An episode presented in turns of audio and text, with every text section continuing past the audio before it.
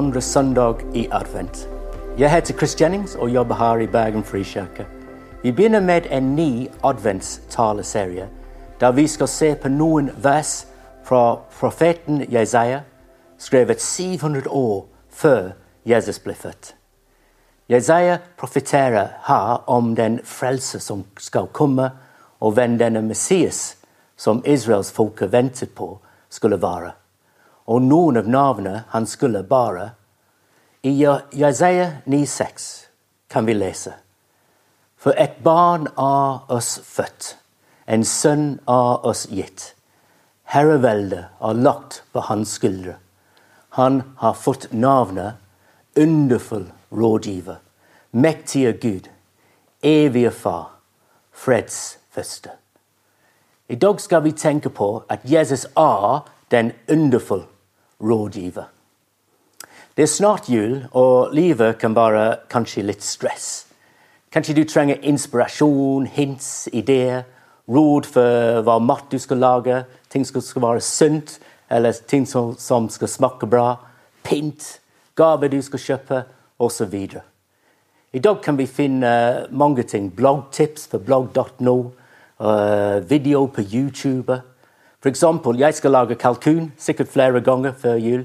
Og eh, jeg kan se på Jamie Oliver. Han er kjempeflink på YouTube. Det er ikke dumt å få litt hjelp og inspirasjon om ting vi trenger. Men hva med hele livet vårt? Hvem skal hjelpe oss? Du er sikkert ikke overrasket om jeg sier Jesus. Hvorfor er Jesus den ultimate rådgiveren? La meg stille noen spørsmål. Er han kvalifisert? Skjønner han virkelig hvordan det er for å bli menneske? Gidder han? Hvor engasjert er han for oss? Bryr han seg om oss? Er han tilgjengelig for oss? Og kan han virkelig hjelpe oss med vårt største problem? Vi begynner med er han kvalifisert. Kolossene 1, 16 sier For i ham, det er Jesus, har alt blitt skapt i himmelen og på jorden. Det sinnlige og det usynlige. Troner og herskere, makter og åndskrefter. Alt er skapt ved ham og til ham. Så Jesus skapte oss og designet oss. Han skjønner oss. Da jeg flyttet inn i leiligheten min uh, flere år siden, kjøpte jeg to garderober fra Ikea. Det ene var to meter høy og tre meter bredd. Leste jeg instruksjonen om hvordan jeg skulle sette den sammen? Nei. Jeg bare åpnet den og begynte, helt til jeg kom til det punktet der jeg måtte holde to sider oppe, som gjorde at jeg ikke hadde noen hender ledig. Så jeg begynte å lure hvordan skal jeg klare å få toppen på men så, snart, så smart som jeg er, så tenkte jeg at jeg bare kunne slippe sidene og ta på taket. Det ville funke. Men som du kan tenke deg, så funket selvfølgelig ikke det. Begge sidene falt rett ned og knakk. Hvis jeg hadde lest instruksjonene, hadde jeg lest at du trenger minst to personer til å montere den. Og hvilken rekkefølge ting ble designet for å bli gjort i. Selvfølgelig det er smart å lese instruksjonene om hvordan ting skal bli gjort av de som faktisk har designet det. Istedenfor å lage din egen instruksjoner og gjøre det alene som meg. Hvorfor er det så vanskelig å spørre om hjelp, når vi kan få hjelp av vår skaper og designer? Jesus har kunnskap om Og, eh, men har han kjennskap? Skjønner han virkelig hvordan det er å bli menneske? Johannes 1, 14 sier Og året, det er Jesus, og Jesus er Gud. Året ble menneske og tok bolig iblant oss. Og vi så hans herlighet. En herlighet som den enbårne sønn har fra sin far. Full av nåde og sannhet. Så Jesus ble en av oss og gikk gjennom alt det vi går og har gått gjennom. Han har ikke bare skapt og designet oss, men han forstår oss fordi han er en av oss. Hebreerne 2, 17-18 sier derfor måtte han, Jesus, på alle måter bli lik sine søsken, så han kunne være en barmhjertig og trofast øverste prest for Gud, og sone folkets synder. Fordi han selv ledd og ble fristet, kan han hjelpe dem som ble fristet. Hebreerne 4, 14-16. Siden vi har så stor øverste prest, som har gått inn gjennom himmelen, Jesus, Guds sønn, så la oss holde fast ved bekjennelse. For vi har ikke en øverste prest som ikke kan lide med oss i vår svakhet, men en som har prøvet i alt på samme måte som vi, men uten synd. La oss derfor frimodig tre frem for nådens trone, så vi kan finne barmhjertighet og finne nåde som gir hjelp i rette tid. Så Jesus han virkelig forstår oss og har sympati for oss. Men gidder han å hjelpe oss? Hvor engasjert er han for oss? La meg fortelle en rørende historie. En tenåringsgutt hadde kreft og var innlagt på sykehus i flere uker for å gjennomgå strålebehandling og cellegift. I løpet av den tiden mistet han alt, alt håret. Og på vei hjem fra sykehuset var han bekymret. Ikke så mye for kreften, for ting gikk bra med det, men hvor ydmykende og kleint det ville være å komme tilbake på skoleskallet. Han hadde allerede bestemt seg for å ikke gå med lue eller kaps. Da han kom hjem, var han såpass frisk at han måtte gå tilbake på skole. Så dagen etterpå våknet han tidlig for å dra på skolen. Han hadde nesten ikke sovet dagen før pga. frykten og hvordan klassekameratene ville reagere. Han bestemte seg for å dra tidlig, sånn at han kunne sitte helt bak, så ingen lagt merke til han. Da han kom på skolen, gikk han bort til klasserommet sitt, som var helt mørkt. Han gikk inn i klasserommet og skrudde på lyset. Og da begynte tårene å renne. Det skjedde pga. en overraskelse og begeistring. Fordi han så hele klassen på plassen sin med barberte hoder. Tenk at de var villige å gjøre dette for han, for å gjøre at han følte seg velkommen tilbake. Når Jesus barberte ikke hodet for at vi skulle føle oss velkommen. Men det han gjorde, var at han gav sitt liv for oss. Sånn at vi er akseptert foran Gud. Den ultimate ofring gjorde han for du og meg. Romerne 5,8 sier men Gud viser sin kjærlighet til oss ved at Kristus døde mens, for oss mens vi ene var syndere. Jeg elsker denne verset. Tenk på det. Han ventet ikke til vi kunne ordne livet eller klarte å være litt lik han. Nei, mens vi ene var syndere. Jeg tenker wow. Johannes 10, 11 sier, Jesus sier, 'Jeg er den gode geiteren'. Den gode geiteren gir, gir livet sitt for sauene. Så vi tenker hvor engasjert er Jesus? Han gav alt for oss. Jesaja 40, 11 snakker litt om den gode geiteren og forklarer litt mer. Han geiter sin flokk som en geite. Han samler lammene med armen, løfter den opp i fangen og lede sauene. Jeg elsker denne verset også. Og tenk at Jesus har omsorg for oss. Og tenk at vi er lammene som han tar rett ved siden av hans hjerte, så vi er oppe hans fange. Jesus sa, 'Kom til meg, alle dere som strever og bare tunge bøder. Og jeg vil gi dere hvile. Ta mitt åk på dere og la av meg, for jeg er mild og ydmyk av hjerte. Så skal dere finne hvile for deres sjel. For mitt åk er godt, og min børde lett.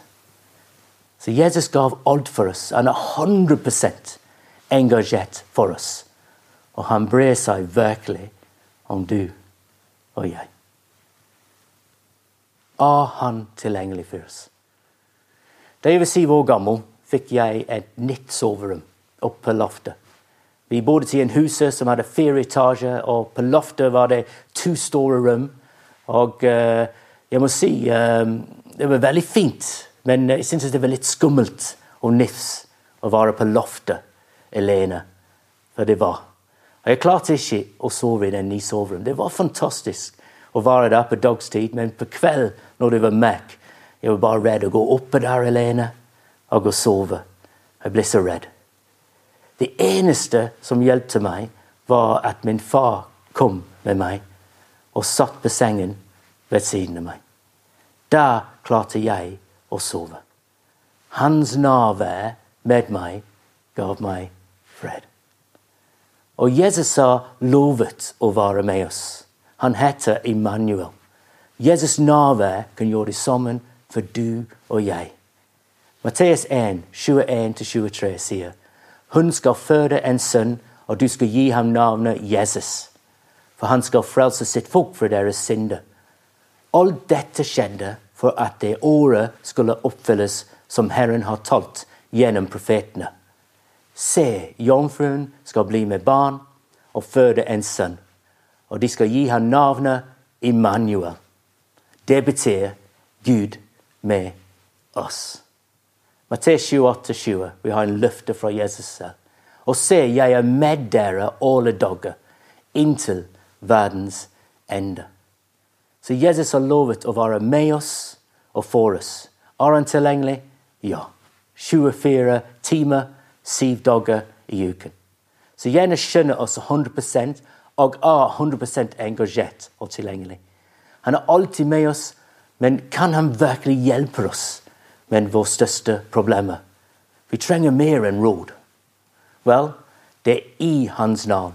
Han heter Jesus. Matteus 1,21, som jeg leste. Jeg skal lese det igjen. Hun, Maria, skal føde en sønn, og du skal gi ham navnet Jesus. For han skal frelse sitt folk fra deres synder. Han skal frelse oss. Og det er det som skjedde gjennom korset.